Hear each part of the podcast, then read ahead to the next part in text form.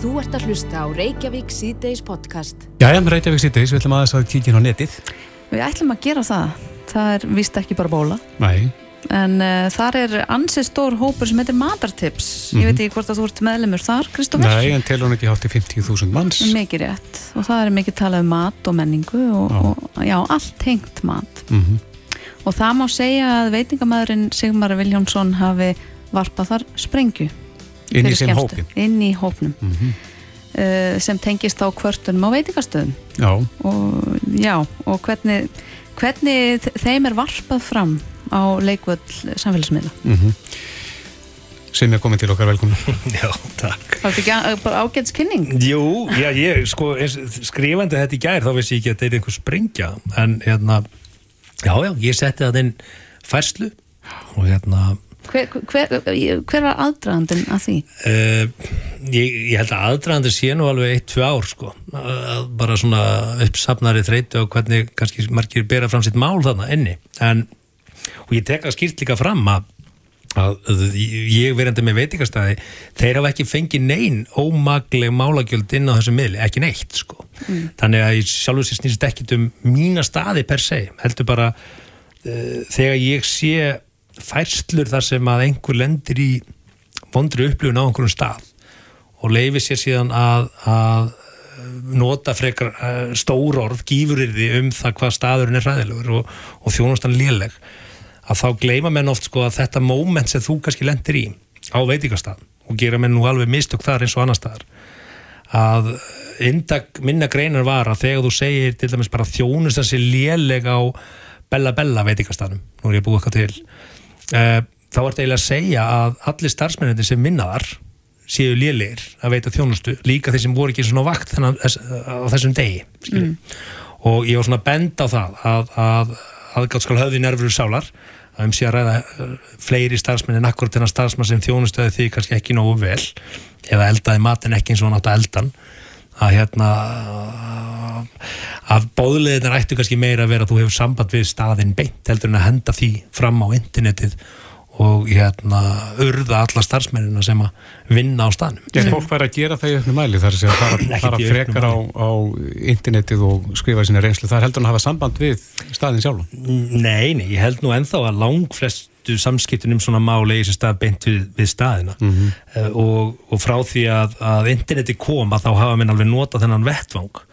Uh, en sko veist ég í rauninni bara lísti því yfir að, að við höfum alveg séð þess dæmi að staðir hafa fengið útrið í gegnum árin inn á þessum miðli frá einhverjum viðskiptavinni og það hefur bara kostað staðin alltaf í reksturinn skilur og það er kannski bara eitt atvik Getur nefnt okkur dæmi um það? að ég get nefnt dæmi, hér var staður sem að hérna, mynd fór í dreifingu. Það kannski var ekki endilega um mattips en það fór mynd í dreifingu um það að þátt að hafa verið lítill músa ungi í matnum. Mm. komið ljós að það var ekki rétt. Það var eitthvað svona sem var eitthvað að flippa. En, en staðurinn áður sér aldrei á streik skilri Já.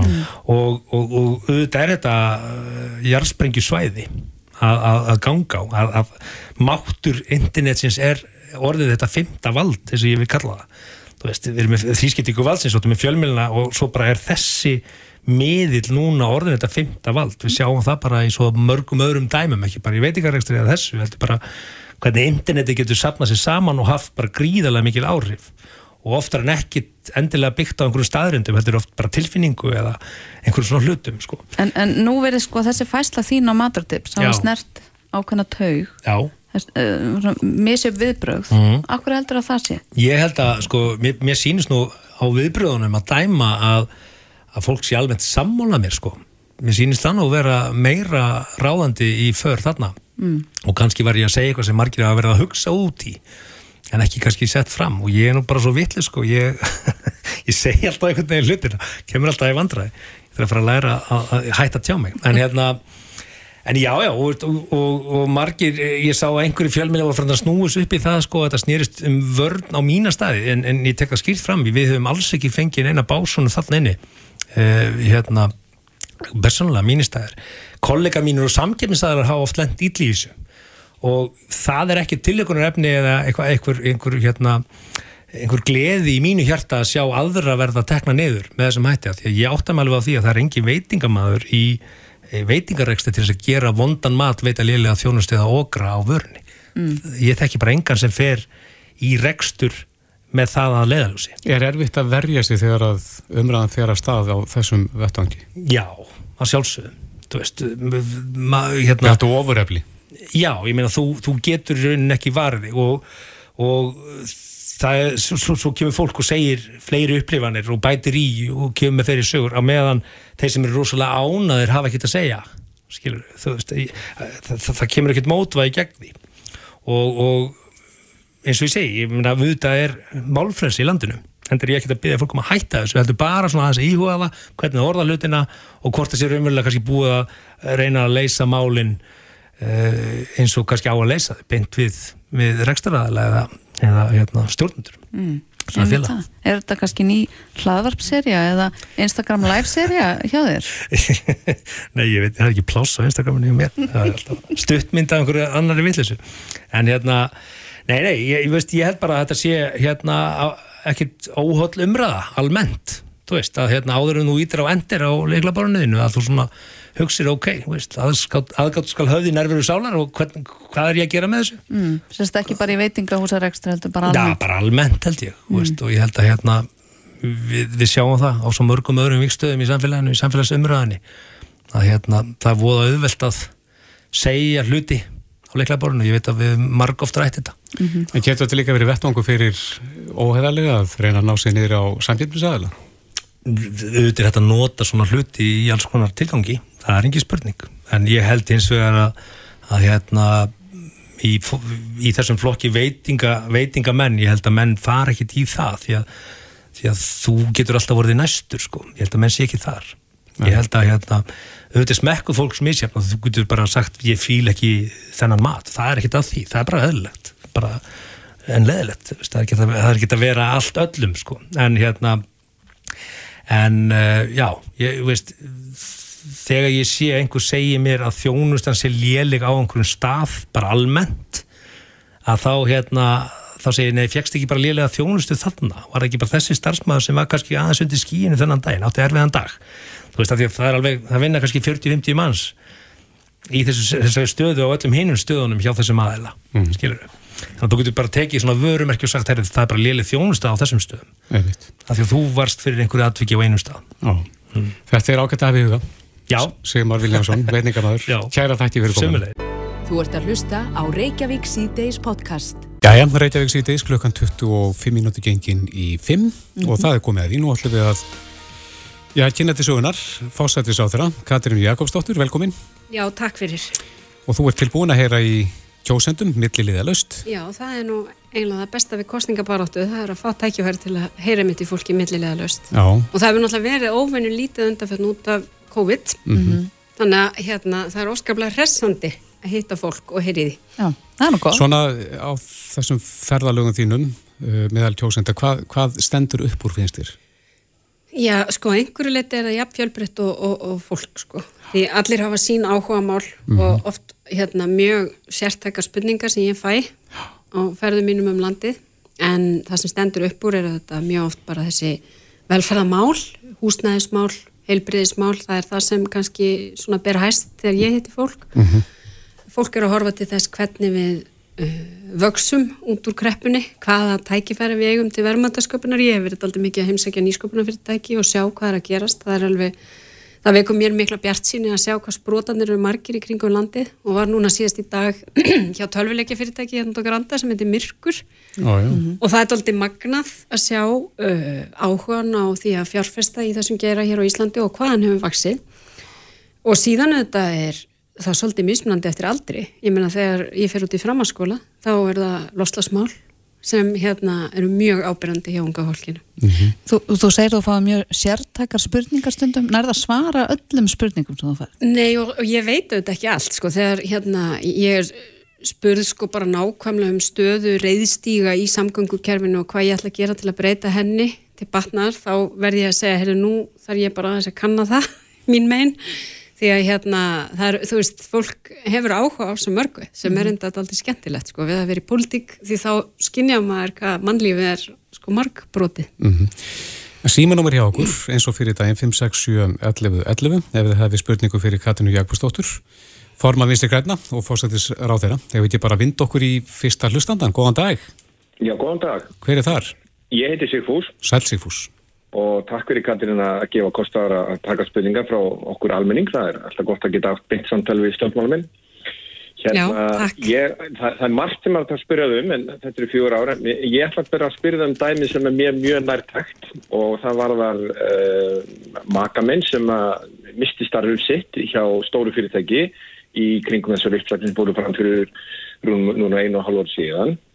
Uh, það kom fram tillaga á alþingi einu stjórnarnastum flokkana um að þeir, þau fyrirtæki sem var að njóta þá uppslagnastyrkja eða eitthvað svona styrkja og mögulega ríkisábyrðans frá ríkinu mm. eru þau að ráða það fólk sem sagði upp í þeirri röð sem þeim að sagt upp en þú og þann með berð þú hluta ábyrðinni að, að maki minnir ánu vinnu að hérna, það var ekki samt eitt og þeirri, þeirri til að hafna og ég var alltaf bara að spyrja þig hvers vegna varst þú á móti því að fólk sem að var sagt upp í hrönnum hjá stórum fyrirtækjum og smáum hljóta miljarda í aðstof af okkar samfélags uh, ríkisjóði en getur svo gert það sem þið vilja við, við að enduröða fólk og stjórnarlegar, þar með þú sitja hjá og segja ekki neitt. Takk fyrir mig. Takk fyrir spurninguna. Já, takk fyrir það og þetta er þetta uh, mjög gild spurning í raun og veru og fjallar um hérna laun sem sett voru um stuðning í raun og veru eða laun á uppsagnarfresti til að greiða laun á uppsagnarfresti. Og þar voru sett ákveðin skilir því ef ég mann rétt en þó ekki þessi sem hér er vitnað til.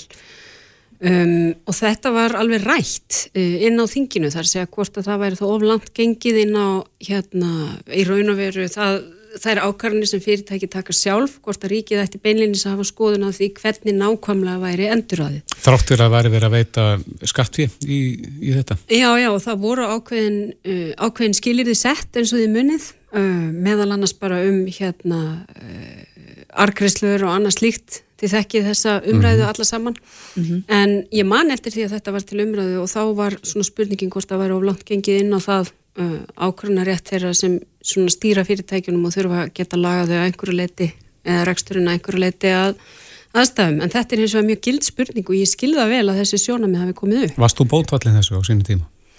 Við rættum þetta og þetta er eitt af þessum málum það sem er bara mjög uh, flókið að taka afstöðu en nýðustafan verð þessi hjá okkur í meiri hlutanum og við myndum ekki gera þetta til okkar þegar máli kom inn mm -hmm. þannig að við stóðum með þeirri nýðustu. Nei mitt mm. og uh, næstum, góðan dag. Góðan dag. Já, góðan daginn, hver er þar? Gunnar heitir hann Sigurkísson. Já, sæl Gunnar. Erst þú með... Gammal menni, 75 ára. Það er nú ekki gammalt í dag. Hef allar tíð borgað í lífur í sjóðu og annað. Mm. Nú verður að stela eldri borgunum 17.500 krónur á mánið. Þetta var loford og ég skor allar landsmenn að kjósi ekki þessa menn. Mm. Við hafa ekki staðið, við erum að berjast, við erum að berjast við á að fara með þetta fyrir, fyrir þetta eru 500.000 mann sem að er að berjast við ríkið og þeir eru ekki að kjósa stjórn sem að er haga sér svona eins og síðan stjórn. En Gunnar, nú, nú ertu bara, hefur þú tækið verið þess að spyrja Katinu, ertu með spurningu? Já, ég segi hvað það maður gera við gamla fólk. Já, mm. takk fyrir þetta. Já. Eh, eldri borgarir eru svolítið í umræðinum fyrir þessa kostninga sérstaklega. Já, og það var, þú veist, ég myndi nú segja það að það voru gerðan mjög jákaða breytingar og framfæslu kerfi eldri borgara í, á árinu 2016 og svo vinna byggði á bara samráði langt aftur í tíman þar sem komið að allir flokkar, aðeinar vinnumarkaðarins og auðvitað eldri borgarar og öryskjar. Ekki nókar einlega. Já, það má spyrja því við getum sjáum það að, að hagur margra eldri borgara hefur í raun og veru vangast frá þessum breytingum. Það er að segja að hann er betur tryggður en að sjálfsögðu þarf að síðan að meta hvort að einhverju setja eftir. Og það sem við gerum á þessu kjörtímabili er að við fórum emitt yfir það, byttu hvernig komið breytingarnar út, við sjáum það á tekjusögunni sem við höfum opnað sem er þessi grunnur um rástofunatekjur að mjög margir koma betur út eftir breytingar sem er jákvægt en það var það nú ætlunin Um, en það sem var gert á þessu kjörstjumabili var að það var settur á, af staðir og verið sérstakur félagslegur viðbútastuðningur við tekjulega og eldri borgara uh, sem snýrist um það að koma til móts við þau sem eru ekki með þá rétt, fulli réttindi í almannatryggingakerfinu. Það var líka hækka frítekjumarki vegna atvinnutekna, það var nú eitt af fyrstu verkum ríkistjónarinnar að því við vildum hveti fólk sem getur sót sér vinnu að gera það. En ég held að framundan séu mjög stór mál sem snúast um aldraða og það er í fyrsta lagi að það þarf að gera þeim kleift að vinna lengur sem vilja vinna lengur. Við þurfum að innlega í raun og veru sveigalinn starfslokk. Uh, það eru mjög margir úr hópi eldri borgar sem hafa haft samband við mig á kjörtímabilinu og sagt það er ekki sama í raun og veru að vera 67 ára nú og það var fyrir 20 ára. Mm -hmm. Þannig að þetta er stór hópur og við þurfum að gera þeim kleift að gera þetta.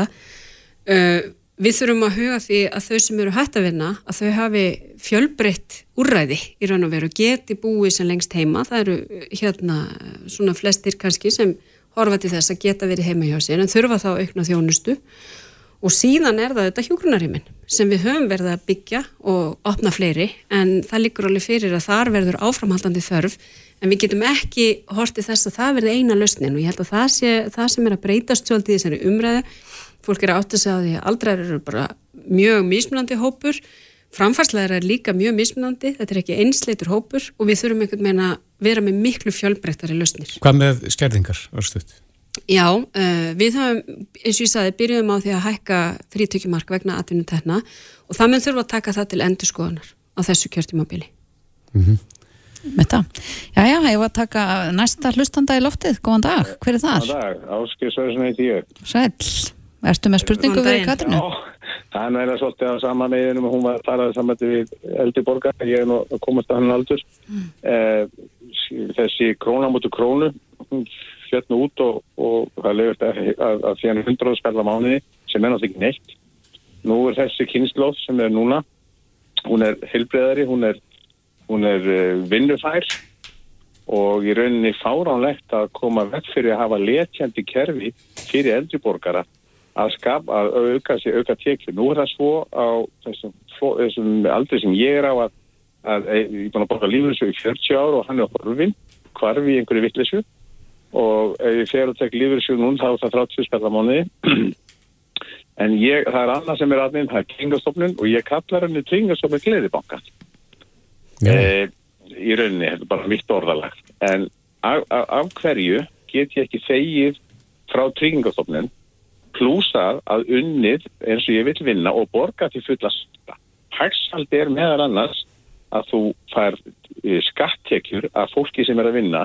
Nummer 2, þetta fjármæk sem við vinnum okkur inn aukalega. Það fenn náttúrulega bara út í samfélagi mm -hmm. og skapa þannig tekjur og göld sem er unni er hægsaldi gott fyrir ríkið. En spurningin, spurningin til Katinar Af hverju er ekki hægt að afnema algjörlega þetta, þessar, þessar hámastekju sem ellir yfir sér að 65 eða 67 pluss hafa og, og fá tekjur frá tringastofnum. Já, takk fyrir þetta. Uh, Katrin? Já, afnema alla skerðingar. Já, nú er það svo þetta að kjör eldra fólks eru hansi mismunandi og, og við horfum til dæmis á það að sumir eiga góða sjóði til eldri árana og þá skiptir þetta máli að, hérna, að við tryggjum það að þau sem eiga ekki slíka sjóði, eiga ekki sitt eigið húsnaði, að þau hafi, hérna, að þeim, þeirra lífskjörsju líka tryggð. Og það eru þetta upprunlega ástæðan fyrir þessum skerðingum að ef maður er með háar tekjur, segjum til dæmis fjármastekjur, þá séum maður ekki á samaskapi með fullar greiðslur annar staðar. Og þetta er auðvitað alltaf umdeilanlegt hvar við draugum þessa línu en við í mínum flokki höfum aldrei verið á því að engar skerðingar eigi að vera. Því við horfum á þetta líka sem tekju jöfnuna tæki uh, á, þessum, á þessu æfiskeiði eins og öllum örum.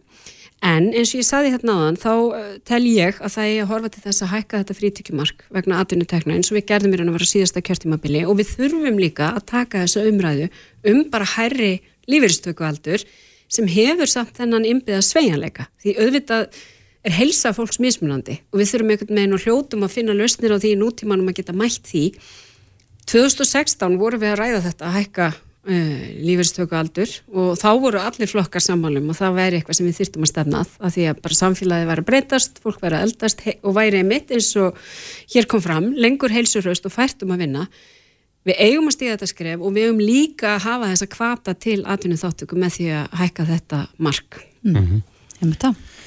Og um, höldum áfram með síman, símin 5671111 ef þið eru með spurningu fyrir Katrínu Jakobsdóttur sem að setur hérna hjá okkur. Góðan daginn, hver er hér? Góðan daginn, Eva heiti ég. Sæl Eva. Og ég er 79 ára. Já. Mér langar að spyrja hana Kvötu, hvenar á að borg okkur það sem þau fengur lána hjá okkur 2009? Stýrðu þetta aðeins? Hvað var fengið að lána hjá okkur 2009? Já, eh, við þurftum að lána ríkistjórninni og eh, ríkistjórnin, eh, hún, það var líka tekið henni, en þeir fengur borgað 2011. Það fengur við ekki. Er þetta að meina hækkun launa þingmanna? Já, er það stílaði rétt? Já, ég held það. Já, mm. að, að laun þingmanna hækkuði en ekki ellilaunin. Já. Já. Mm. Aftur vist minni mig. Við hefum ekki fætt, fengið þannig bætt. Nei. Herru, takk fyrir þetta, Katrín. Það, laun eldri borgar eru svolítið til umræði hérna núna. Já, ég heyri að þetta brennur á fólki og kannski eðlilega en uh, þetta var auðvitað mikið rætt á sínum tíma þessar skerðingar og uh, síðan var nú ímsu lofað í kostningunum þar á eftir sem ekki hérna ekki allir voru á eitt sáttur um hvort staði hefði verið við en síðan þá auðvitað er tekið upp þetta nýja framfæslukerfi sem var auðvitað rísa stór breyting. Og þá er ég að vitna til breytingarna sem verða 2016 breyting sem á sínum tíma ég þóru nú ekki nákvæmlega að fara með það en kostaði eina, já, kostaði á bílinu 10-20 miljardar þær breytingar sem snýrist um það að bæta framfæslu eldriborgara og ég veit ekki hvort að það sé hægt að tala um það sem uh, það er kannski ekki hægt að tala um að það komi til móts við þær skerðingar sem voru uh, settar inn 2009 í miðjurhrunni en ég held hins vegar að við getum öll verið sammálum að þær breytinga voru til góðs fyrir lang, lang flesta eðir borgara og bættu þeirra hag. Mm -hmm. mm. Það er spilnið hvort að fólk vilja ræða eitthvað annað í, fyrir þessa góðsningabarótu. En Hva? þetta brennur á og þetta Já. er þetta hérna, hérna uh, sko þetta er sívaksandi hópur mm -hmm. og stækandi hópur og það er nú kannski að því að, að, því að það er heimsfaraldur, ég var hittin á einu á koningjar sem kom til minn í kostningakaffi og sagðist síðist hafi séð mig í háskóla bíó og fundi eldri borgara 2017 þannig að hérna, en nú vegna faraldurs þá er ekki slíku fundur. Það er ekki óðurlegt að fólk vilji hérna ræða þetta. Akkurat og búið að ræða þetta frá nokkur hlýðu núna en eh, einni viðbót áður við tökum okkur stutt hlýja, góðan dag. Já, halló, Sigurður heit ég. Sætt Sigurður Katri, þú hérna sagðir fyrir síðustu góðsningar að nú gætu öryrkjar og aldrar ekki beði lengur og hérna meðal annars fyrstu aðfæðið mitt út á, út á þau lofur sem gafst á.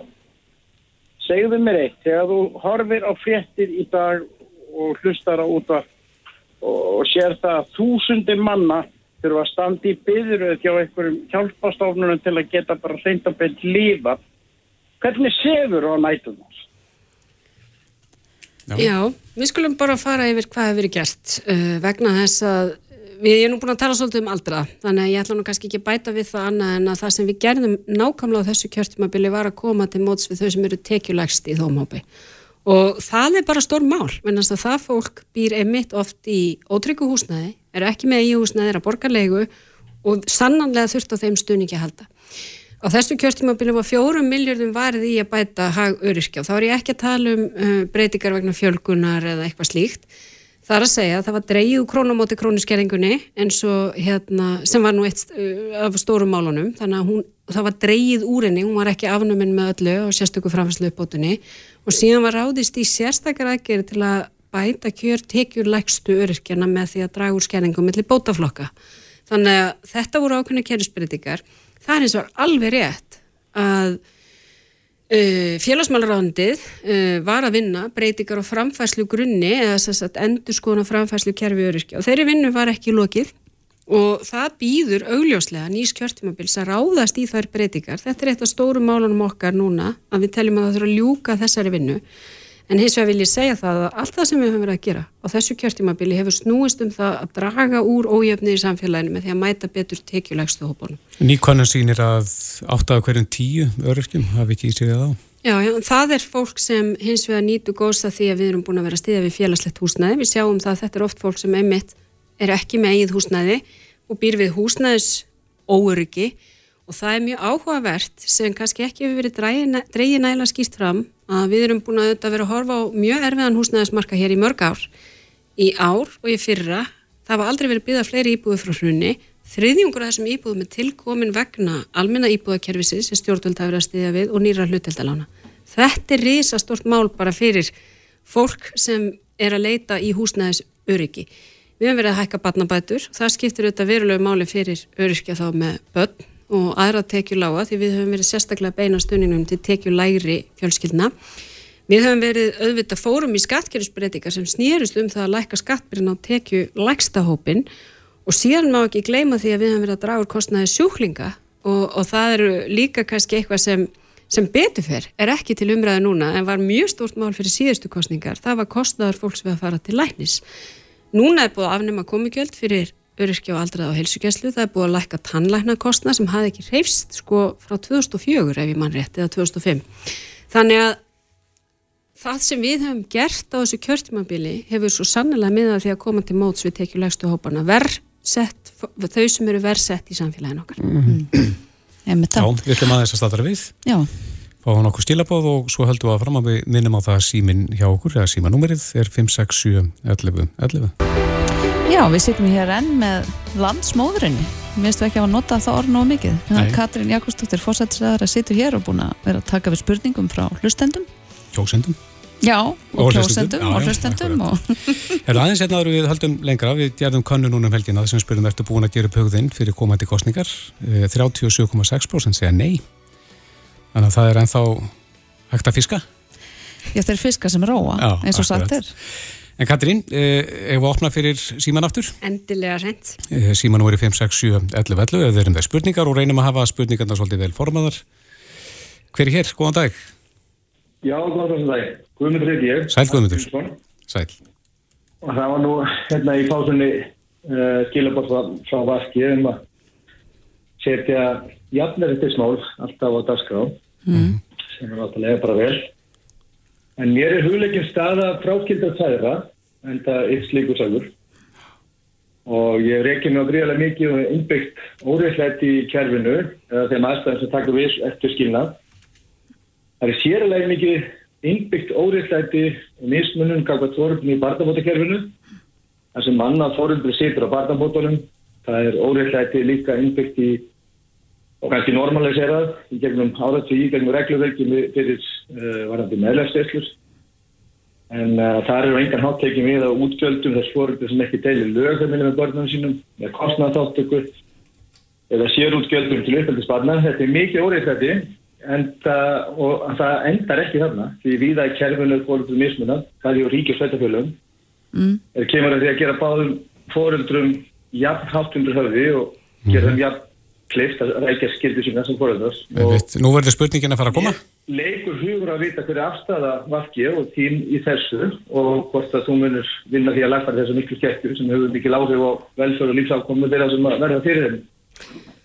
Já, þetta er alveg rétt og raunar varðan og þannig að núni á vormánuðum þá samþykti nú aldingi mitt stjórnaförumvarp sem heimilaði sko skipta búsettu þar að segja að börn geti haft búsett á tveimur stöðum ef fólkdrar er að ekki saman, lengi vel var þetta ekki hægt og uh, það voru svona ímsa breytinga gerðar í þessu til að mynda hvað var það bara heimildir fólkdra til að semja um búsettu batna og uh, uh, umgengni og ákveðin ákveði til dæmis um samtala frumkvæði bass og fleira sem var svona ætlað að vara styrkja rött batna mm -hmm. í þessum málum uh, og þar var líka breytt ákveðum um uh, framfærsla og meðlag ef ég mann rétt. Þannig að það var auðvitað stíð mjög mikilvægt skref með þessu. Og við þurfum auðvitað að horfa til þess að heimurinn er breyttur, samfélagi breytt og hérna uh, En er þetta hópu sem verður oft út undan þegar það kemur að jafnbreytti sumraðinu? Það eru þráskildi feður.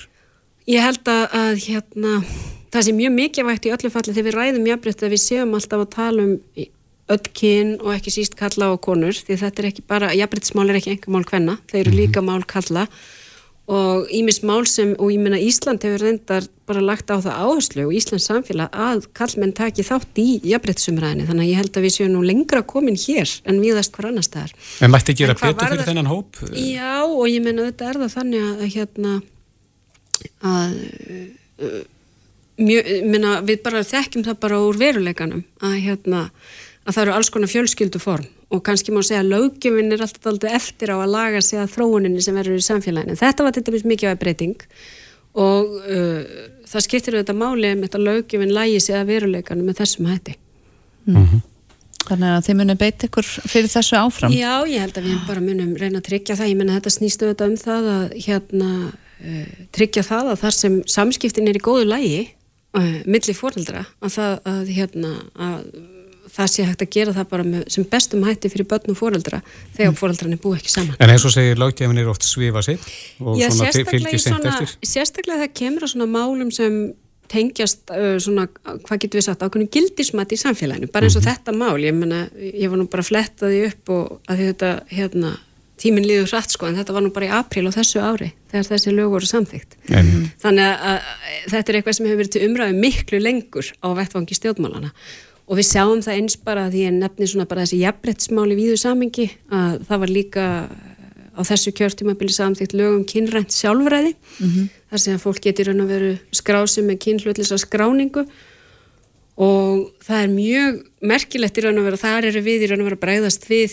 ákveðinni samfélagsþróun Eh, þar sem lögjafinn hefur raun og veru kemur kannski á eftir þróuninni en einmitt um leið mikið vekt þegar við erum að taka þátt í og kannski er það það sem er svona ánæðistu með þegar maður er starfandi í pólitík?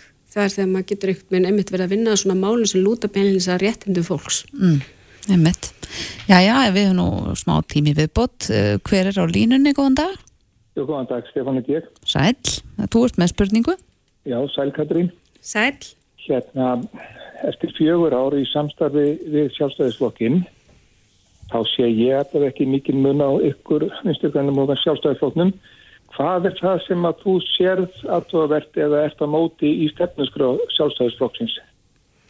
Já, um, þetta er áhugaverð spurning að því nú er ég svo sem ekkert uh, endilega sérfræðingur í stefnusgrá sjálfstæðisflokksins en ég veit það hins vegar að því þú segist ekki sjá mikið mun á okkur að fyrir síðustu kostningar voru það við sem voru með lengt fæðingarorlof á dagskrá, það voru við sem töluðum fyrir þreiparskiptu skattkerfi, það voru við sem lögum áherslu á mannréttindamála eins og kynrænt sjálfræði og réttindi kvenna til fungunarofs, það voru við sem settum lofslagsmálun á dagskrá fyrir síðustu kostningar og ef ég mann rétt það voru það nú ekki samstagsflokka mínir framsókn og sjálfstæðarflokkur sem voru með þessi mála á dagskrá.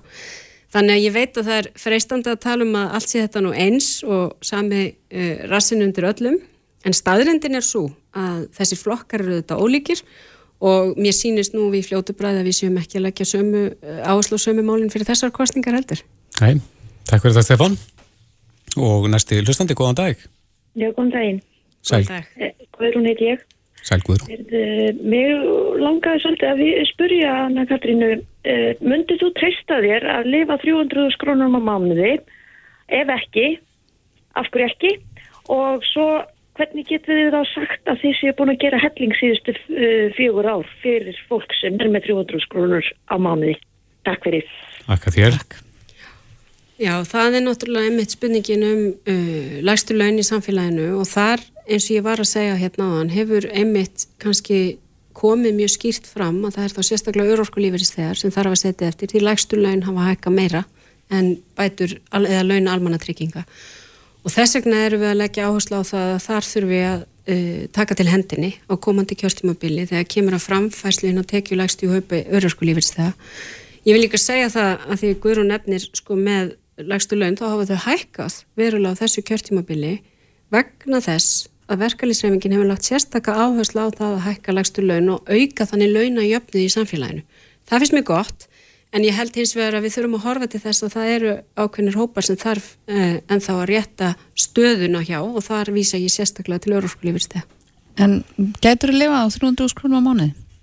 Auðvitað fer það eftir aðstæðum en það er ekki háar tekjur til að lifa og sérstaklega fólk er í e, býrfið það að þurfa að borga háa leigu á húsnæðismarkaði e, e, þá er það mjög erfitt að ná hendur saman. Mm. Og næsti, góðan dag. Já, og sæl Katrín, ég heiti Davíð. Sæl. Ég er að velta fyrir mér spurningu varand unga fólki okkar. Nú voru 600 eða næri 700 nefnum í skólan sinja um skólagöngu vegna þess að það var ekki við gátt ekki að fengi pláss í skólanum einhvern hluta vegna og framöndan er fjóðar yðbildinginn og, og við höfum að vera ansett tíðrætt um drengin þess að geta ekki lesið sér til gags og, þetta er yfirleitt krakkarnir sem að eiga bókina sem, sem stæðst á óvinn í lífinu hvernig ætlum við að mæta fjórði yðbildingunni þegar að þessi krakkar komast ekki eins og í teknina.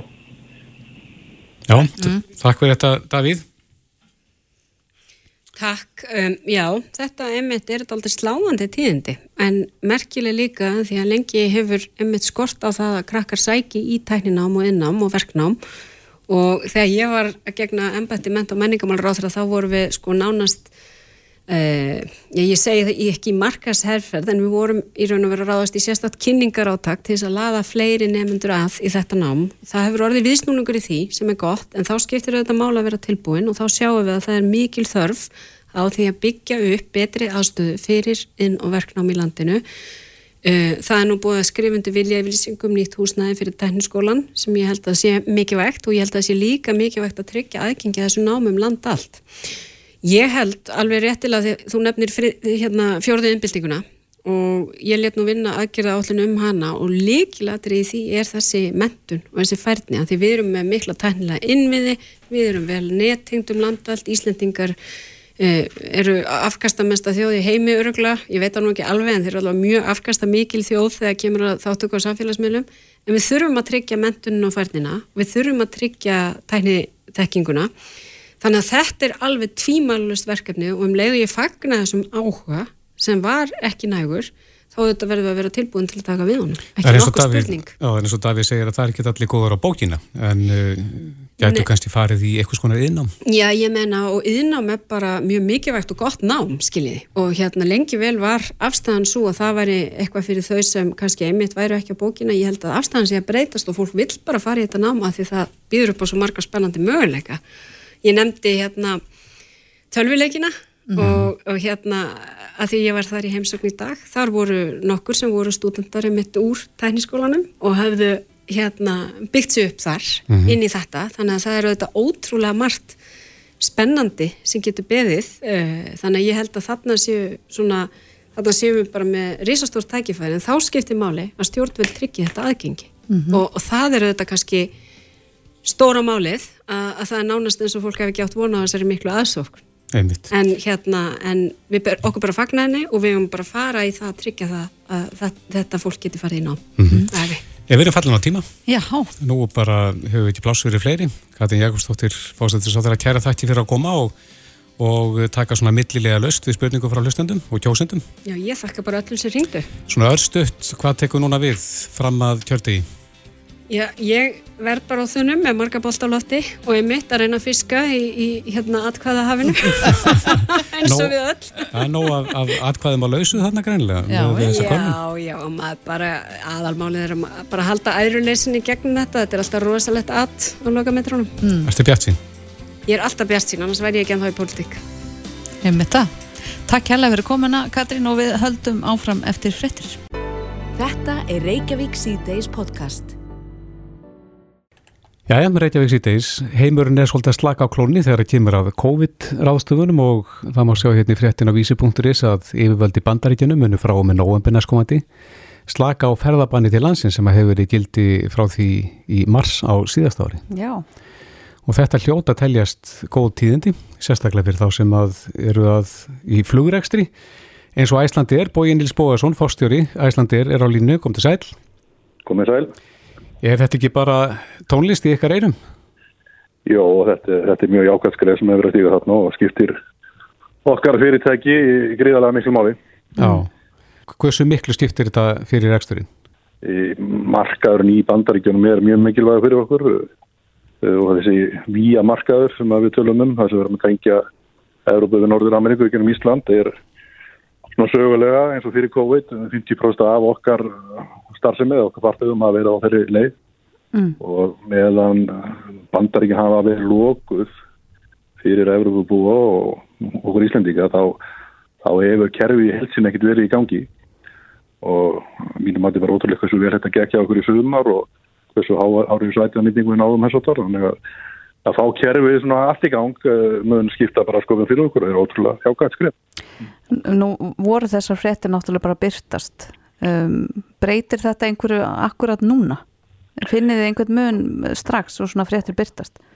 Ekki, ekki um leið en hérna þetta er samt mjög kvikt umhverju sem við erum að vinna í og, og leið og jákaða fréttir byrjast og líka um leið og neikaða fréttir byrjast og þá sjáum við það strax í okkar bókunum og, og við reiknum með bara á næstu dögum en við sjá bókunar flæðið styrkjast indi bandaríkjana bæðið frá Íslandi og, og frá Európi í, gegnum Ísland. Þannig að þetta er, þetta er jákvægt en, en við erum búin að vera með nokkuð metna fulla áallum til frá bandaríkjum í sölu nokkuð lengi og erum að uh, með nýju áfangastæði bandaríkjunum uh, til dæmis í oktober í sölu. Og höfum svegur útvisa bæti í ef að, bókunum að fara koma inn á hullu. Já, ég ætla að segja það því að það er náttúrulega verið að fljúa bandaríkjumönnum til og frá bandaríkjunum þetta ju meðalans hingað. Jú, jú, og þegar Ísland opnaði hann að síðasta vor þá, þá fóru bókanar mjög hratt og vel af, af stað til Íslands og og sumari gekk eh, mjög síðan svona þegar delta aðbrið fóru að hafa áhrif á, í, í bandaríkjunum og líka í Íslandi þá svona hægða aðeins á og þannig er þetta búið að vera svolítið og hérna en þetta sem er að gilast núna er mjög jákvæmt. Er þá kannski að koma einhvers konar jafnvægi á uh, þennan bransa aftur? Það er alltaf meir og meir að jafnvægi að koma og okkur, okkur, sínust að og við viljum trúa því, við erum að sjá eins og því nefndið í ynganginum að að lendir eru svona aðeins að, eh, hvað maður segja, bara fara út úr þessu COVID ástandi, Danmörg, Svíþjóð, Breitland og svo er bandar ekki núna að, að opna, þannig að þetta er allt saman að færast svona næra eðlu ástandi, en við erum áfram samt eh, viðbúin við hérna, öllum breytingum. Já, þannig að þið gerir varlegar áætlanir fram í tíman, eða hvað? Já, við reynum bara að vera sveigjanleg og aðalega okkur að ástandinu, en við erum með, eins og ég segja, nefna fulla áallun í, í sölu og höfum svegrum til þess að bæta við og, og ætlum að gera það ef að hérna, bókanir komast eftir. Áttu vona því að þetta hefði áhrif í kaupallinni á uh, virði hlutabriði Æslandir í dag strax? Ég er nú að viðkynna það, ég hef ekki fylgst með kaupallinni síðustu klukkutundur, ég sá hún fór nú byrjaði mjög rauð í morgun út af ímsum fréttum utan á heimi og mm -hmm. eitthvað hér á Íslandi líka en hérna en það er bara eðlið þessa þess að vera á markaði að fréttir hafa alltaf áhrif á, á hérna hlutubræðaverðið hjá hverja neikvæðar Einmitt. Bói Níls Bóarsson uh, fórstjóri Æslandir kærar þakki fyrir spjallið Takk sem leis Reykjavík síðdeis á Bilginni podcast Reykjavík síðdeis, eh, veður spáin er nú ekkert allt of eh, björnt núna næstu daga? Nei, ég held að þeir sem hafi áætlað að ganga á kjörstað muni hugsanlega endur hugsa það eitthvað. Það eru nýgistu spár? Já, vist einhver svakalega lægð á leið yfir landið. Emitt, og það getur haft áhrif á kjörsókninu mm. og muni eflust gera það? Eflust. En það hefur líka fyllt söguna að, að þetta eru óvinni mikið um utankjörfundar atkvæði fyrir þessa kostningar sem getur valdið því að kostningavakan verður hansi laung Gæti verið, en eh, á línunni er formaður landskjörstjórnar Kristín Edvald, kom til sæl. Þessið Ég er það ekki rétt, er ekki, hafi ekki óvinni margir kostið utan kjörfundar svona fyrir þessa kostningar fram að þessu? Jú, það umtalsverð fleiri kostið núna og það er náttúrulega út af ástandi út af COVID þar sem uh, er svona kannski leið meiri áherslu á að fólk kjósi utan kjörfundar eða kýs, eða já, kýs svo, ef maður segja það. Já, en uh, það er, hefur nú verið kynnt til sögunar ráðstöfun ef að fólk eh, lendir í einangrun eða, eða sóttkví eða ekki? Jú, það er rétt. Og þá er þetta kjósa bara í gegna bílalúin ánast? Já. Mm. Hefur það verið skoðað samrýmist að lögum, þar sem kostningalögum að, að mega sína öðrum atkvæði sitt?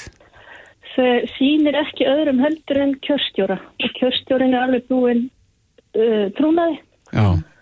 þannig að, að það er alveg kvílir fullnægandi leindi við því mm. En eins og ég sagði á hann, það getur kostningavaka orðið laung út af því að maður getur jú skipt um skoðun en maður kýs utan uh, kjörstaða, kjörfundar Uh, já, og mætt á kjörfund og kosi það á kjördag líka, sko. Já, þannig að það tefur en, aðeins fyrir, eða hvað? Nei, það er ekki endilega það sem tefur fyrir. Mm. Það má ekki uh, byrja að opna uh, utan kjörfundar atkvæðin fyrir en kostningar lokið. Já, þegar búið að loka kjörstöðum. Já.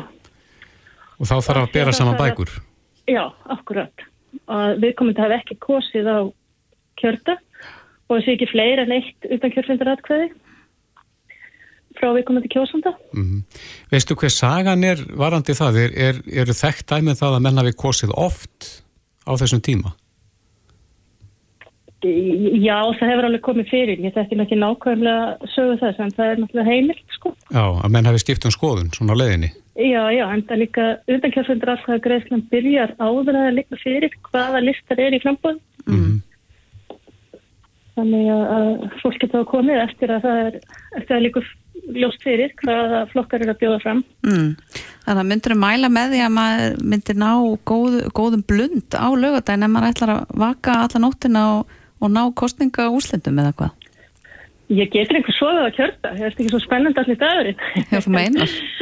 Já, en ástæðan fyrir því að það fyrir þjóðarlega talningi minni taka lengri tíma. Ég er náttúrulega bara handavinnan í kringum þetta að bera saman mm -hmm. og eins líka að þetta er náttúrulega umslag ofan í umslagi þetta þarf að opna og skilja að og það bara tekur tíma að vinna þetta. Er þessi atkvæði talin síðust? Það fer bara eftir ákvörðum hverjar yfirkjörstjórnar sem stjórnar talningunni. Mm. Er, er, bæ, er, hérna- er bætt eitthvað í mannskapin fyrst að er svona mikið um utan kjörfundar atkvæði? Nú er það líka á forræði hverjar er yfirkjörstjórnar. Mm. Þannig að ég, ég reikna með því að allir séu með ráðstæðan í gangi. Mm. Svona... En það er bara eitt sem er mikilvægt. Já. Það er það að þetta sé ekki að nýta neina frá því að nýta kostningarétti sinn. Það er náttúrulega allir að nýta þennan rétt sem við höfum. Mm -hmm. Mæta kjörstað? Mæta kjörstað, hvort sem það er utan kjörfundar eða, eða kjörfundi. Já. Nú er, er fólk byrjað að, að ferðast mikið þannig að eflust eru einhverjir að, og er búinir að kjósa að þeir verða á ferðalagi á kjördag? Já. En farðaðins yfir, Kristi, með okkur, hvernig er þetta ógilda atkvæðið? Er, er auðvelt að gera það á þessum að rætli sér það? Nei, þetta er sín ekki, ekki auðvert. Verður maður að hafa svolítið fyrir því? Já, það er bara að vera virðingu fyrir kjörselinum og vera ekkert að, að setja annað á hann en að standa þar. Mm.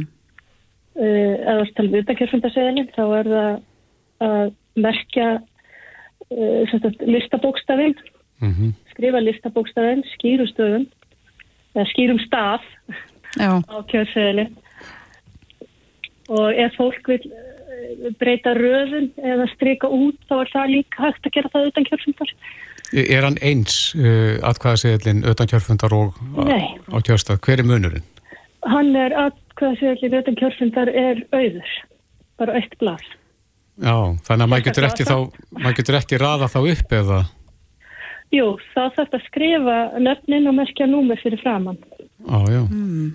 En núna eh, berast okkur fregnir á því að hér verði mikil og djúblægð yfir landinu á, á kjördag. Getur það haft áhrif á þáttökuna?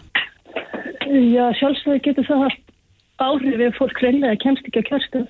Mm. Eh, það getur líka haft áhrif á talninguna ef það er erfitt að koma kjörgögnum á talningastaf. Mm. Þannig að það þarf að hafa ímislegt í huga en, en eh, við náttúrulega hvetjum sem flesta til þess að nýta atkvæðisréttin sinn og, og þá að kjósa auðvitað kjörfundar í staðin fyrir að vera viðut eftir heima á kjördag Já, algjörlega Já. Kristín Edvald formaður landskjörstjórnar kæra þakki fyrir spjallið Takk sem við Bless, bless. bless. Reykjavík síðdeis á bylginni Nú klukkan ára hálf sex, Kristófer, mm -hmm. og við höldum hér áfram í Reykjavík síðdeis. Já, pólitíkinn heldur áfram. Mm -hmm. Þetta stýttist í kjördag og uh, það er svona aukinn spenna í loftinu, finnum maður. Já, mörg mál í deglunni. Nei, mitt. Uh, og, og svona óvanalegt. Já, nú eitt af þeim málum sem að svona náttúrulega hafa vækið, ég segi nú ekki deilur en menn er ekki sammálum, mm -hmm. það er uh, stóregnaskatturinn. Emmitt. Sem að samfélkingin er með á sinni stefniskrá. Þetta eru skattar á eignir eh, sem að nema 200 miljónum eða meira. Einmitt. Og... En menn er ekki samanlega hvernig þetta lendir á þessu fólki sem verður fyrir. Nei og svo las ég nú MBL áðan að sjástæðismenn telli þetta að vera brota á stjórnarskrá. Já. Þessi skattar. E, til að ræða þetta er, eh, eru komin hingað Kristún Fróstadóttir sem að er hér fyrir samfélninguna mm -hmm. og Ólífið Kárásson fyrir sjálfstæðarflokkin. Þið eru vantilega öndverðu með um þetta mál. Ykkur unar það. Já, en uh, Kristó Skýr... Við skulum vera sammála um það. Já, já. Já, sammála um að vera ósamála. Á geta að byrja þetta svona léttu nótunum. En til þess ennu pólitík. Já, já. Þetta væri nú ekki gaman ef við varum sammála um allt. Þó þannig væri. En farðaðins yfir þetta svona með okkur Kristó, hvernig þið sjáu fyrir ykkur að, að hérna, þessi skattur er því lögleitur? Já. Sko í fyrsta lega held ég sem mjög mikilvægt að taka fram að við erum ekkert að skatleggja bara því að okkur finnst svo gaman að sapna pening og skatleggja. Í okkar huga snýst þetta um að jafna skattbyrjana og við sáum það bara í skýslu sem kom núna nýlega út af vegum ASI til að mynda að hæsta 1% í landinu borgar hlutvarslega minna í skatt af sínum tekjum en stór hluti launafólks í landinu. Og þannig að við horfum á þetta bara sem aðgerð til þess að, að fá sangjarnar í skattbyrji í landinu. Við ætlum ekki bara að hækka þessa skatta til þess að hækka það á alla, heldur ætlum við að setja sérst á þennan stóregna skatt sem er bara hófleg 1,5% á eignum yfir 200 miljónum sem þýðir að ef þú átt 201 miljón þá borgar 15.000 krónur á ári í skatt vegna þessa. Ef þú átt 201 miljón borgar 15.000 krónur á ári. Þetta er ekki meiri uppæð en svo. Við veitum að þú átt 400 miljónir þá borgar meira en á móti ættum við að nýta fjármagnin sem fer í þetta til þess að lækka skatta á barnafólk. Við ætlum að, að breyta barnabótakerfinu sem hefur að miklu leiti verið, verið bara veikt og er langt frá því sem við sjáum á Norðurlundunum um, sem gerir það verkum að fólk sem er yfir lámaslaunum hefur aldrei séð barnabætur og barnabætur, barnagreðslur eru ekkert annað en skattalækkun fyrir barnafólk þannig að það sem að skiptir því máli er hvað þú færð að lokum eftir skatta, eftir bætur, eftir tilfæslur á mánuði.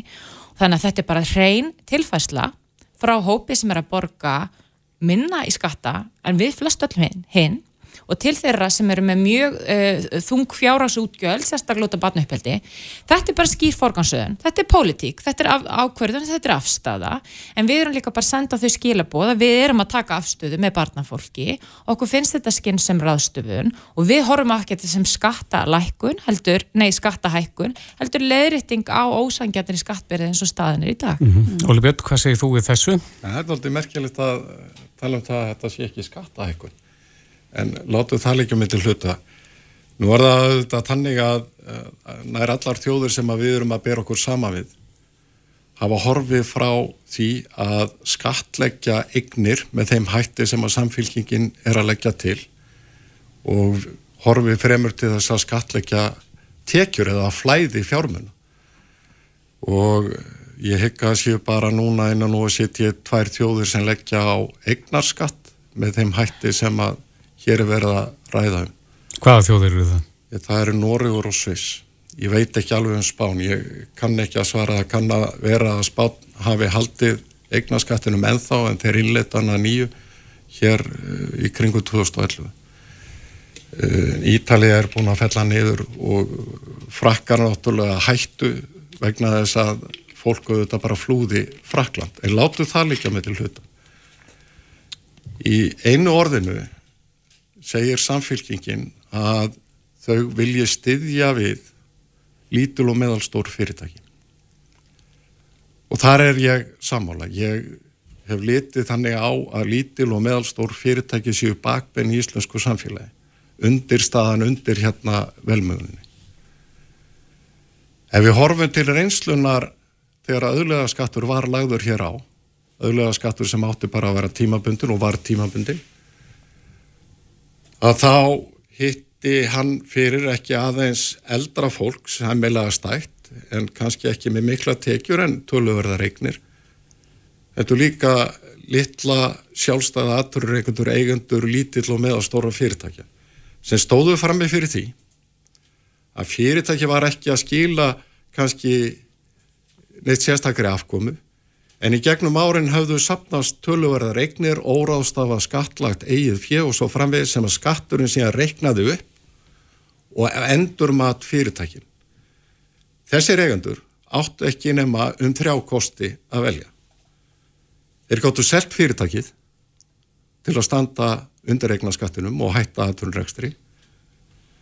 Þeir gáttu skuldsett fyrirtækið til þess að greiða sér út að harð og borga honum 20% fjármastekju skatt til að standa undir eignaskattinum og veikja þar með fyrirtækið og möguleika þess til að til dæmis eh, standa undir góður launum eða þeir gáttu skuldsett sjálfa sig persónulega til þess að standa undir eignaskattunum vegna þess að þú voru ekki tekjur á bakvið þetta.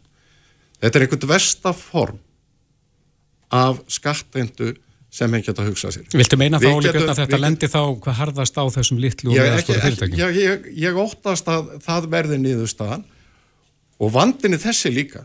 Ef að menn ætla sér að ná inn á gæðsalappa þeim sem að eiga hér e, verulega mikla regnir, fólk sem á 5, 6, 8 miljardar, þá gerist það sama og gerðist hér á árum áður. Þetta fólk kefti sér flugmiða, flög út til Barcelona, til Sviss og svo framvegis. Þegar við ræðum um skatta og hvernig skattkerfi við erum með, þá erum við ekki deiland. Og það verður að huga að því hver sko samkeppni staða okkar er. Og ég fullir því að verði þessar hugmyndir að veruleika, þá munir það fyrst og síðast veikja lítul og meðalstór fyrirtæki. Ég fullir það. Já, Kristrún? Ó, svo margi punktar þarna sem er langað til að taka fyrir. Um, í fyrsta lagi er ástæðan fyrir því að það hefur verið horfið frá skatlegra eignir í heiminum er verið að vera að koma út úr en að mestu nýfrjálsíku tímabili sögunar þar sem við fórum úr eignasköttum um, í að í rauninni lækka skattbyrði á tekjumera fólk og, og eignamera fólk. Við erum bara að koma út úr þannig tímabili. Þannig að umræðum eignaskatta er að koma aftur við erum að reyna að horfa til framtíðar hvernig við getum þróa samfélagið okkar í heimi þar sem eigna ójöfnir eru orðið vandamál.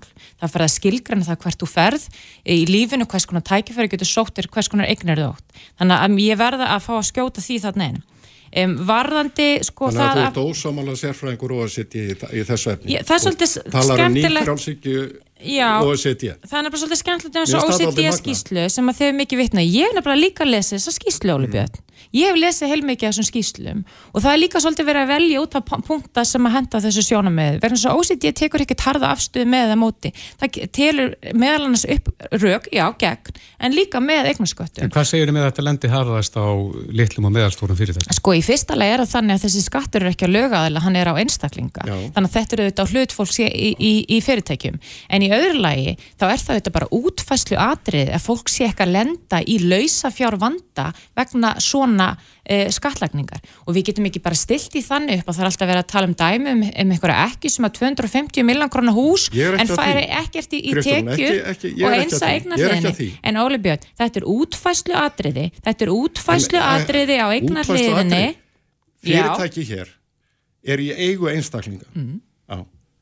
Skatturinn verðmetur það fyrirtæki og grundalli þess Ég veit alveg hvernig þetta er gert, Óli, þarf ekki að útskýra það fyrir mér. Það er það sem ég er að segja við þér, það er útfæslu atriði að vera með skattfrestanir í þeim tilvikum þar sem að fólk er í lausufjórvanda. En staðrindin er svo að þessi rauk eru alltaf grepin upp varðandi það hvort að megi setja skatta á eignan mikið fólk. Og staðrindin er líka svo að ég og Óli horfum bara öðruvís á heiminn, að það sem að mér finnst skipta máli varðandi samkeppnishefni ef ég horfið til framtíðar, það er öll störfin sem er án staðsetningar, störfin sem við erum að ætlum að vaksa á hérna, þekkingagreinar, uh, unga fólki sem við þurfum að haldi í og hvað er það sem er, er aðal máli í samkeppnishefni? Jú, það eru lífskjör fólks, það eru lífskjör batnafólks, það er kostnar við að lifa, það er skattbyr og þessóttar.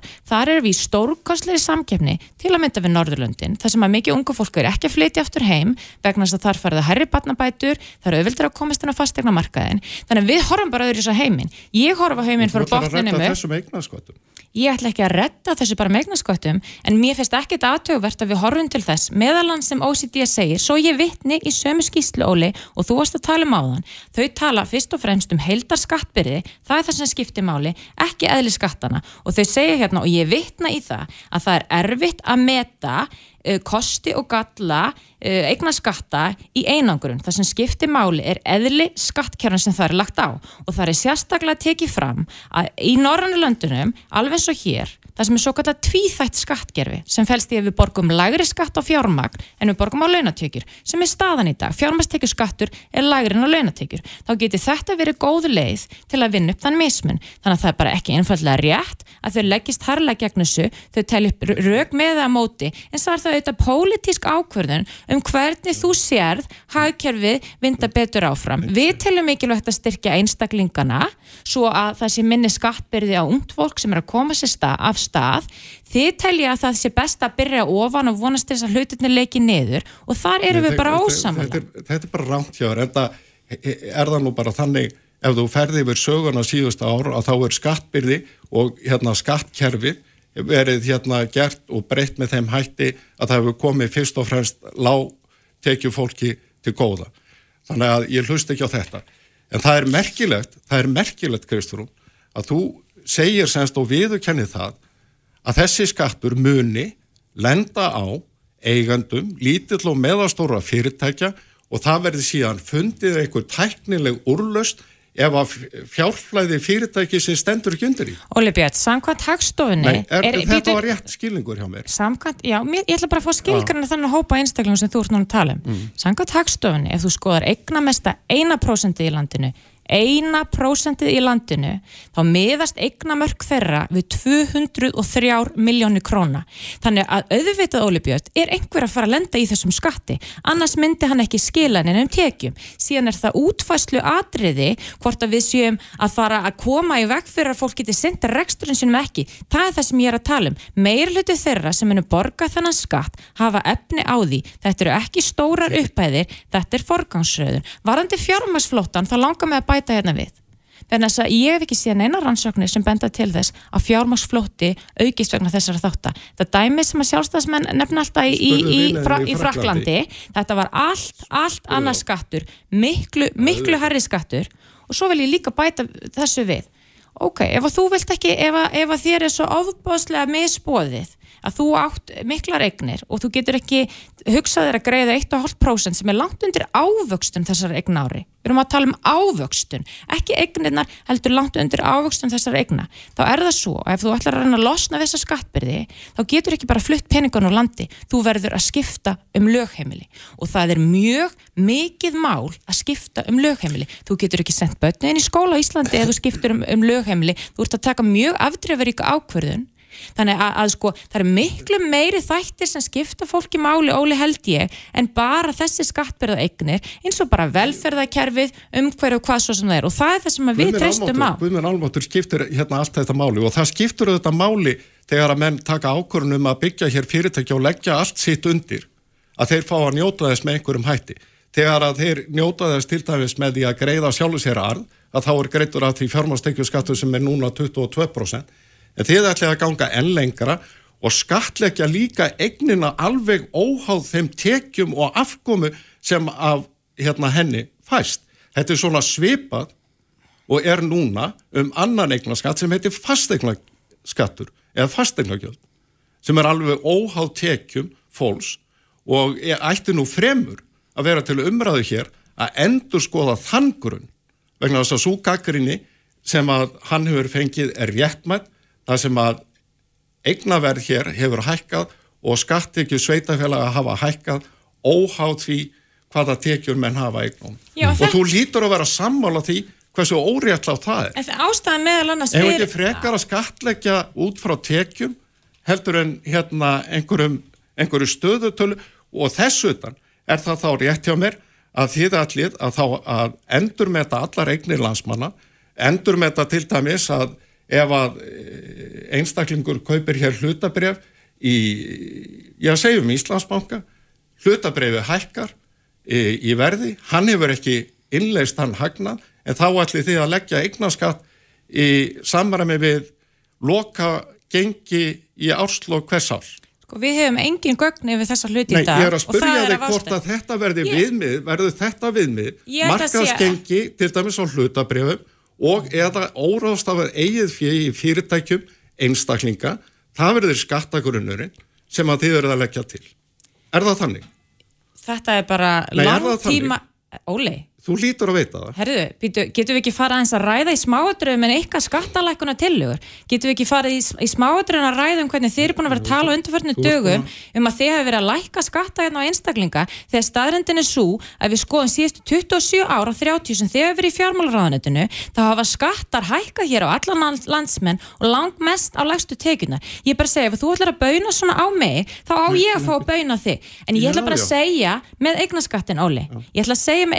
Já, já. hlýtur þetta snýst hugsa- ekki auðvitað erum við búin að Já. hugsa þetta til enda. Þá segirðu mig, Fyrsta hver er skrefið- skattstofninn? fyrsta skrefi hlýtur að vera það En þú lítur að Að geta við- að svara hver er ég ætlar þá að hleypa mér að.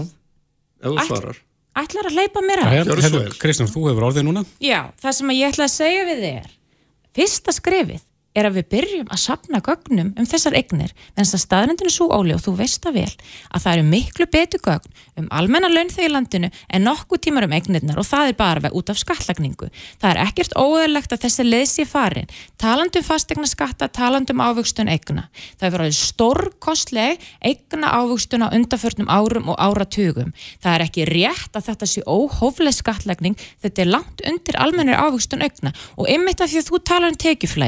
þannig er ég ósamalega. Ég held að sé sangjarnara að fara í eignirnar óháða ávöxtun vegna þess að það gera það verkum að þeir sem sækja fram, taka áhættu með fjármagnið sitt, stopna fyrirtæki, gera Mhm. eitthvað úr því, þeir eru að borga sama í skatta og þeir sem að setja kjörur með sitt verðum Þetta að er fara að eina af setja- ástæðan fyrir Já. þetta getur meðalans kvatti fjárfestinga, þannig að það er sjónamiði sem er, við erum með í því samingi. En þú er að frá ekki okkur. svara til um hvernig skattstofnum verður fundin. Það liggur ekki fyrir. Ég, Það þú er þarfst bara að gefa mig smá tíma í fjármálraðanetinu áður en ég get fundið út úr þessu fyrir þeim við vitum hvað við ætlum að gera fyrst um sinn og það nægir fyrir batna greislunum sem að við ætlum að- að að íta, yfir í hagkerfið svo að við fáum hér sterkari grunn til Það að er vaksa. sérkjönd að vita hverja tekjurnar eru en við veitum ekki hver skattstofnin er. Jú, ég veit nákvæmlega hverjar eru. Það eru 10 millirðar með að við núverandi nafnverði. Við þurfum ekkert markasverði fyrir það. Jæja, herri, við fáum ekki botni í þetta núna en rétt eins í lokin hverju á þessi skattur að stíla? Hver er, Þessi skattur með að við einmitt núverandi nafnverði getur skila 10 miljardum króna. Síðan eru við líka með breytingar og útværslu veiðigjalda sem hafa lækka gríðalega á þessu tímabili í rauninni með einu pennastriki undir núverandi ríkistjórn þar sem að, að andlægi sem veiðigjaldi er tekið af að minkað verulega með ákvörðum bókaldsaðförum. Þessu er hægt að breyta og svo eru líka hægt að breyta ákvörðin skattalegri meðferð um, sem hefur ítt undir skattaundanskot og þetta eru bara þó nokkuð margir millara sem munu skila okkur í vasa. mitt rétt eins í lokin, Óli, eitthvað sem þú vilt komað? Nei, ég er bara að benda á að það er hérna valið núna á laugadaginn stýstu það hvort að menn ætla að fara hér í skattheimtu Kristrúnar Frostadóttur og K eða við höldum áfram að lækka hér skatta og hleypa súröfni inn á heimili og fyrirtæki. Björn Kárasson og Kristnur Frostadóttir, kæra þætti fyrir komuna. Takk fyrir. Hlustaðu hvena sem er á Reykjavík C-Days podcast. já, Reykjavík síðdeis, ég veit að það er margir eh, sko fegnir því ef að það er eitthvað annað sem er rætt í kostningabartum heldur en bara endilega þessi pólitísku þrætumál. Já, nú erum við búin að tala við Katrín Jakobsdóttur, við erum búin að tala eins um stóregnaskatt, Mhm. þannig að er ekki ágætt að fara aðeins á léttari hliðin af kostningabaratunni. Eh, Ekki spurning, það er hérna frétt sem við fundum inn á dfaf.is um Jafet Sigfinsson Mm sem að hefur breytt uh, oddvitum flokkana sem eru frambóði mm Mhm. sem það skiptum kynaði Já, og, og gefið þeim nýjun upp. og gefið henni upp og þetta er bara glettilega vel gert. Þetta er eiginlega alveg frábært. Inga Sæland verður Ingvar Sæland og Sigmundur Davíð verður Sigrún Dagný til dæmis Já, og þessar myndir má sjá inn á Facebook síðu Jafets já. og hann er á línunni. Góðan og blessaðan daginn. Já, góðan daginn. Það líkur nú beinast að spyrja hvernig datt er þetta eiginlega í hug? Herru, þetta kom eiginlega bara svo tímina því ég var á Twitter í gær og sá ég að einhver hafði gert uh, svona mynd af honum, uh, æ, hvað heitir hann, uh, hann að Níels. Brynja Níelsson. Já, Brynja Níels. Ég er náttúrulega ekki mjög mikið inn í pólitík þannig að ég hugsaði með mér hvort það var ekki bara sniðið að breyta þeim og, og sjá hvort það myndi hjálpa mér að að velja hvernig ég ætla að kjósa en, en það gerði það nú samt ekki. Nei, þe- þetta verður ekki breytt kjörþokkanum. Hvað segir þau? Breytt þetta kjörþokkanum hjá ykkur um þetta svona að þínu viti? Nei, ekki, ekki svo ég veit til sko. Nei. Nei, þannig að þú ert ekki komin uh, nær uh, ákvörðun um hvað þú ætlar að kjósa næsta lögadag. Nei, ekki, eh, ég get eiginlega ekki sett það sko. En Nei. það- En hvernig, hvernig fórst að þessu? Þetta er, það- eins og ég segi, þetta er glettilega vel gert. Ég get nú ekki eigna mér heyrin á þessu alveg sko, þetta er bara app í símanu sem heitir FaceApp sem að breytir þessu fyrir mig sko. Já, já. Það tók ekki langa tíma. Þetta virðist nefnilega að vera talsett flóknara sko, út að yfirleitt er þessu upp ekki alveg með þetta á hreinu. Já, ég get alveg þóst þess að ég hef bara photoshopað þetta sko, en, en ég held að ég væri nú kannski að ljúa svolítið ef ég myndi segja það. En þetta er vel gert. Er, ertu þá með myndir af frambjóðandunum og, og svo sér appið um að breyta viðkomandi í konuða kall? Já, í rauninni. Það er, þú veist, þetta app getur gert alls konar hluti, sko, en já, þannig að, þú veist, ég fór bara á Google og fann einhverja myndir af þessu fólki. Fannst þetta svona fyndin pæling og, og skellti þessu bara inn Já, já. á Twitter og svo slóði þetta í gegn. Svo setti ég þetta bara á Facebook í rauninni af því mömmu langaði að sjá þetta. Já, var hún ekki hrifin? Var ég... Jú, henni fannst þetta alveg mjög fyndið og svo allt í hennu bara náði ég ekki að einbæta mér vinnuna því að það var bara 400 manns búin að deila það var ekki alveg þess að ég var að búast við. Nei, en þarna er Kitty Jak, þarna er Birna Ben, Yngvar Sæland, Sigrún Dagný, e, Þorgir Kristinn, Sigriður Inga, Guðmunda Frilög, Gunnar Sólei, e, Lára Einars og Þorgir Sindri á samt Guðnýju Tólasíus. Já, fórsetahjónin voru líka Já, tekin þau eru þarna í þetta líka bónus. og, og í Light Sharit. Já, Ég, ég verð, það ég, voru mega sens að, taka þau líka sko. já, sko ég verð að segja að í, í uppáhaldi á mér eru annars vegar Ingvar Sæland sem er eiginlega alveg frábær og, og Lára Einars en uh, mér leikur forvitna að vita hver er uppáhaldi á þér, Jafet? Ég held að yngvar sko er alveg ótrúlega flottur. Er hann að fá bestu dómana? Já, ég held að fólki finnist þetta, þetta er svo fyndið, það sjá allir hennar þessa mynd og ég held allir þekki hennar gæja. Já, þetta Já. er maður með sögu Já, alveg klálega. en þau eru það öll. Já, reyndar, akkurat. reyndar En þú, ert þú ekki búin að eh, taka ákvörðun, segir þú? Nei, ekki alveg. Nei. Þetta kemur, kemur ábygglega tíminn og lögata en ég er einhverja fastlega með því sko. mm. Myndu þá frekar fara eftir kynbreyttum myndum en raunverulegum myndum Ég útiloka ekki neitt. Það getur bara vel verið. Ég kjósi bara út frá því. En þú segir Nei, ég, ég að ég, ég, hugsa að ég leifi því nú ekki að blinda mig á, á lögadaginn en Nei. þetta var samtalið skemmtileg pæling. Já, en þú sagði að þú geti valla einbettir í vinnunni Eh, það er náttúrulega búið að deila þessu út um allt og þetta er eiginlega held ég að geti fullist á öllum fréttameilum hefur þið fengið mikil bein viðbrögð við þessu Eh, Ekkert persónlega sko, nei. Það er, ég held að fólki er bara lætur duga sem betur fyrir bara að kommenta hana og, og læka og deila. Það er alveg nóg sko. Já, að það hefði nú verið svolítið, svolítið mikið tröfluðin ef það hefði allir verið að- að ringja mig og senda mér ekki skilabúta á þessu sko. þannig að frambjóðundur er ekki brjálæður úti Ekki svo ég viti til. Nei, En hver veit. einmitt Vonandi ekki. Vonandi að ekki. Það tekið sér bara, bara sem uh, tekið sér bara vel að því þetta er bara vel meint sko. Já, einmitt það Virkilega vel gert. Jafet Sigfinnsson, takk helga fyrir að taka síman og, gangiði vel á lögadaginn að ákveðu Já, takk fyrir það. Bless, bless Takk, bless. Reykjavík síðdeis á Bilginni podcast.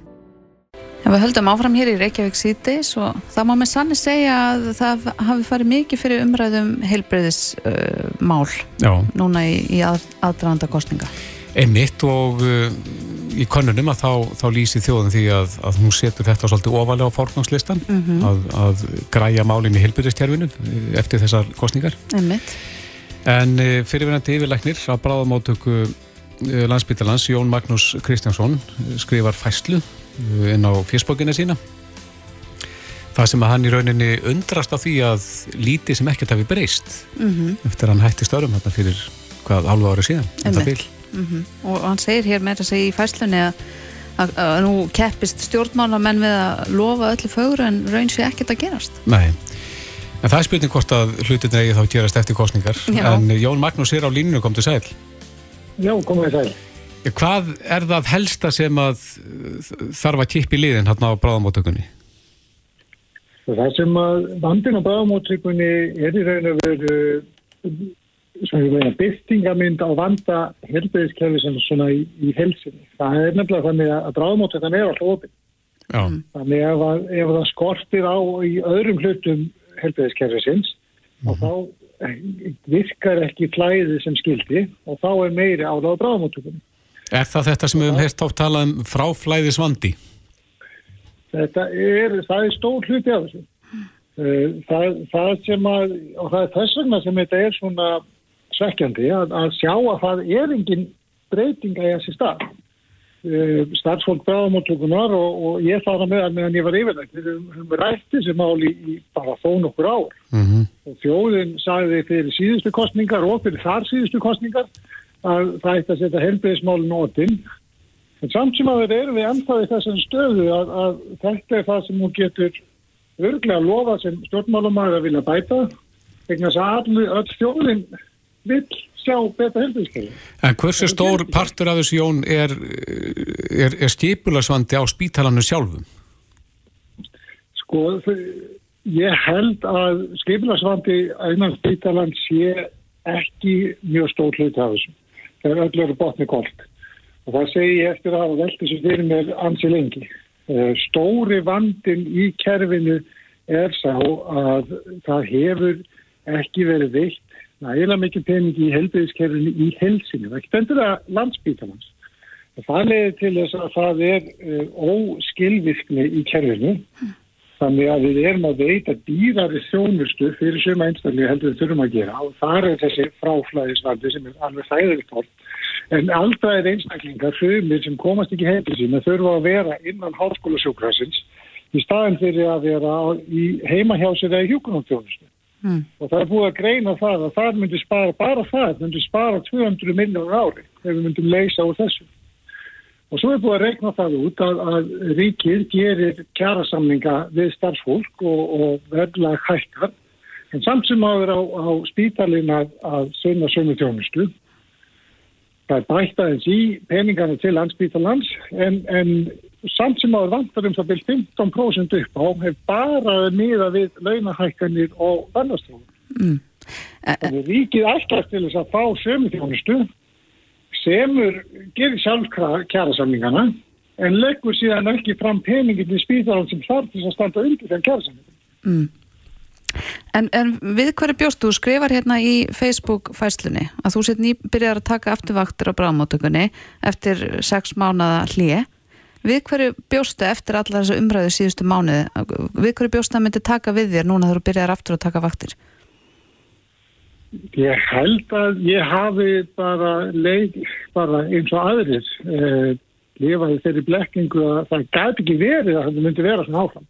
mm. Uh, en það er bara þá slærða mann þannig að búin að vera í burti í svona tíma að sjá að meiri hluti einstaklingar sem koma á bráðamóttökunni eru lenda fyrst á, á bekk á ganginum, þar fast að reka sjúkarsöguna þeirna, þar eftir átklættur, skoðar, tekið það hjartalínlit uh, og svo framvegis og við vitum það að, að þá fáum við ekki jafn góða niðurstöðu. Við vitum það að við missum að ykkur mikilvægu í um það byrj 30% tilleika þegar svona er. Mhm. Og ef þetta leggjast inn, já þá líður- að, að meðaltali sólarhengur að nú kemst áfram í kerfinu og einn einstaklingu var alla helgina á bráðamóttökunni í glukkalösi herbyggi og að því var í einungrum, þegar það hann ekki eins og niður fara út að fá það slótt.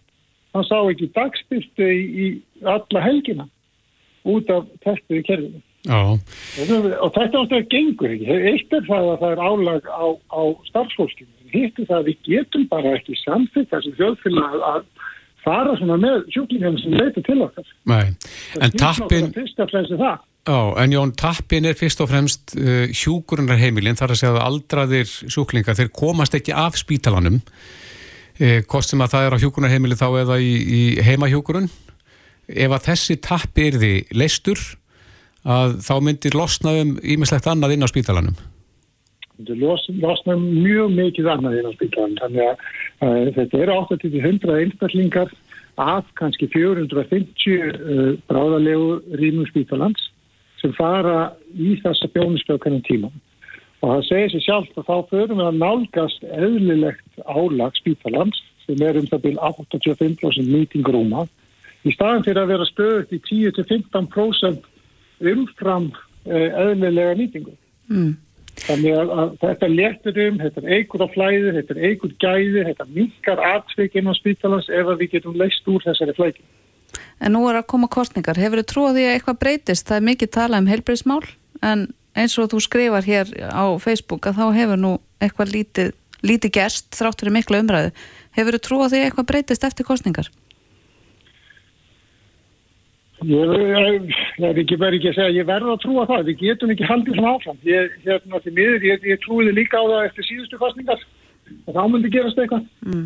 Ég held ég hef ég vel trúið að þeir þar síðustu kostningar og, og, og það vantar ekki stöður fyrirheitin. En þetta er kerfisbreyting sem þarf að eftir stað. Það, þetta ver, eru ákveðin breyting. Við þurfum að leggja aukna áherslu á öldrunarþjónustöðum. Við þurfum að sinna fólki betur heima hjá sér til þess að það gangi og það kostar umtalsverðan penning mm -hmm. og þess vegna er ekki lagt í þetta en þetta er ekki þjóðagslega hagkvæmt að hafa þetta eins og við gefum það núta það er dýrar að gera ekki neitt þó svo að þessi ákveðin starfkostnar í því að lagfæra þetta. Já, þannig að þetta er ákveði bröðl í dag með skattvíja og það er gríðalegt bröðl í dag uh, en ég er ekki tilbúin til að skrifa undir það að það sé að stæktum hluta vegna léleg skrifila sem að landsbyggjáðans Þannig snýst þetta um óskýra verkaskiptingu í helduðiskerfinu og ónæg framlög til öldráðsjónustunum. Já. Jón Magnús Kristjánsson, fyrirverandi yfirlæknir á bráðamóttöku landsbytjarlands.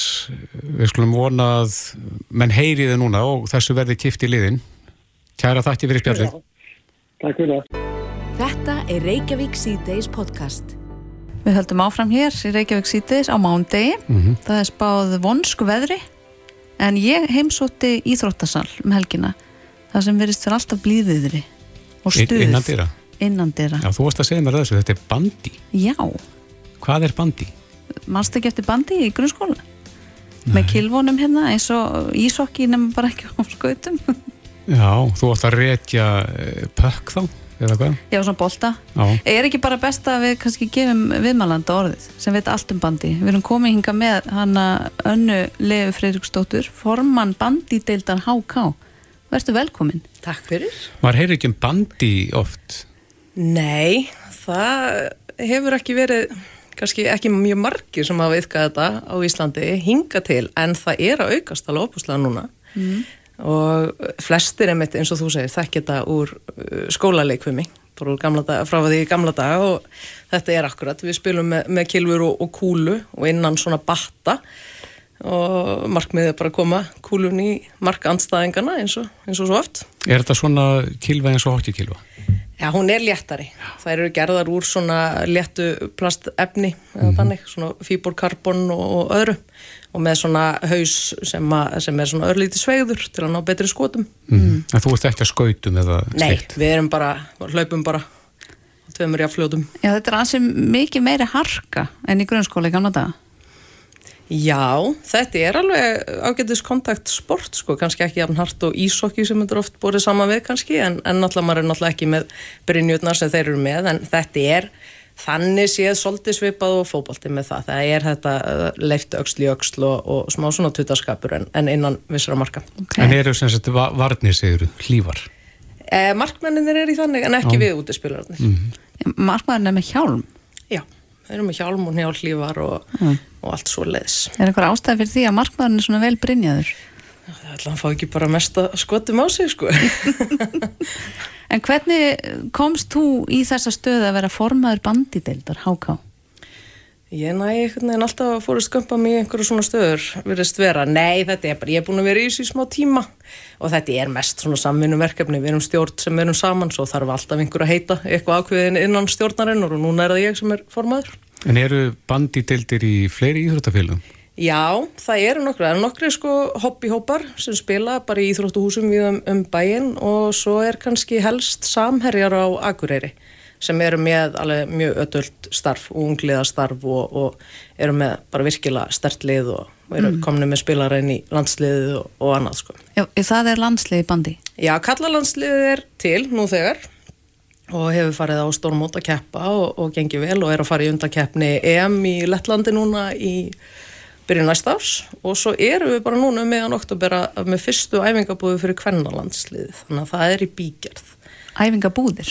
Já, bara raunverulega aðtöða hvort að sé uh, grundvöldu fyrir að búa til þetta lið hvort að við verðum nógu margar og nógu góðar Mhm. og þá er vonin að að við getum fara að taka þátt líka á stórmótum Og hver er meðalaldurinn í þessu?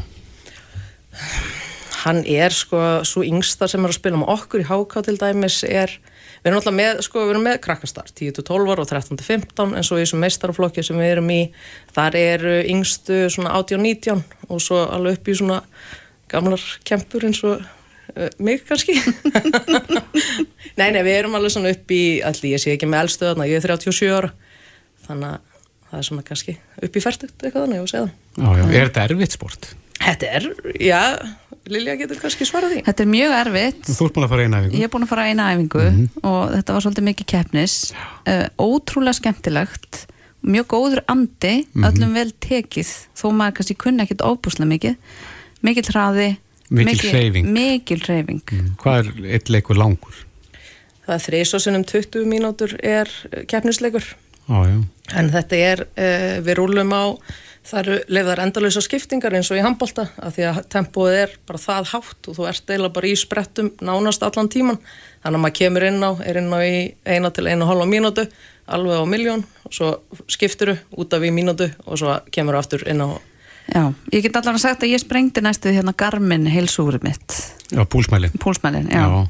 En ég er að velta fyrir mér og þú talar um að Karlalandslið er að fara í undakefni fyrir EM og þeir eru að ná í kvennalandslið. Hvaða þjóðir er skara fram úr í bandi? Svíjar eru náttúrulega lang, langsamlega bestir, myndi ég Ok. segja.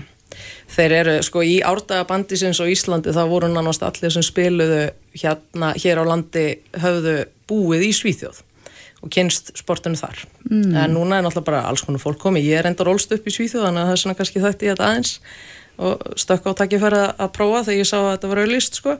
Um, en það eru svíjar, svisslendingar eru sterkir líka og norðurlónda þjóðunar hinnar, danir, normenn, rússar eru góðir, finnarnir. Þannig að það er svona, já, þetta er svona svolítið evrósport, Mm. en svo er líka sko í Norður Ameríku deild og veist, Íslandingar hafa kæft við bandaríkjamenn og Ok, en, þannig, að, þannig að Íslandingar er að flakka mellir landa og einhver er að koma hingað og svoleiðis? Já, bandaríkjumenn komu nefnilega hingað á síðasta ára, þá voru fyrstu landsleikinnir í, í bandi spilaður á Íslandi, það var mjög skemmtilegt. Þetta er alveg hulin heimur. Já, hvað er margir í liði? Það eru, ef við erum að spila á sem sagt, svona stórum alvöru keppnisvelli, þá eru fimm útispilarar og markmaður Mhm. og erum oftast að spila á svona línum og þá eru þrjár línur, þannig að það er kannski þrísvarsinnum þessi fimm útispilarar og svo tveir markmenn eða eitthvað svo já. Þetta er spennandi. Hvernig er þetta skrifað, bandi, fyrir þá sem vilja googla þetta? Sko, það er bara B-A-N-D-Y Mm og, Og HK er með Facebook síður? Já, með Facebook síður og náttúrulega bara inn á hk.is líka getið þið fundið okkur og við erum bara alltaf til í að fá fleiri nýliða eins og mjög gaman að fá þig í gær. Já, þakka þér fyrir. Það var mjög gaman að að spila bandi. Já. Kristoffer, þú verður að skella þér í þetta. Ég þarf að prófa þetta. Anna-Lega Freyriksdóttir, formaður bandideildar HK. Takk fyrir komina. Takk fyrir.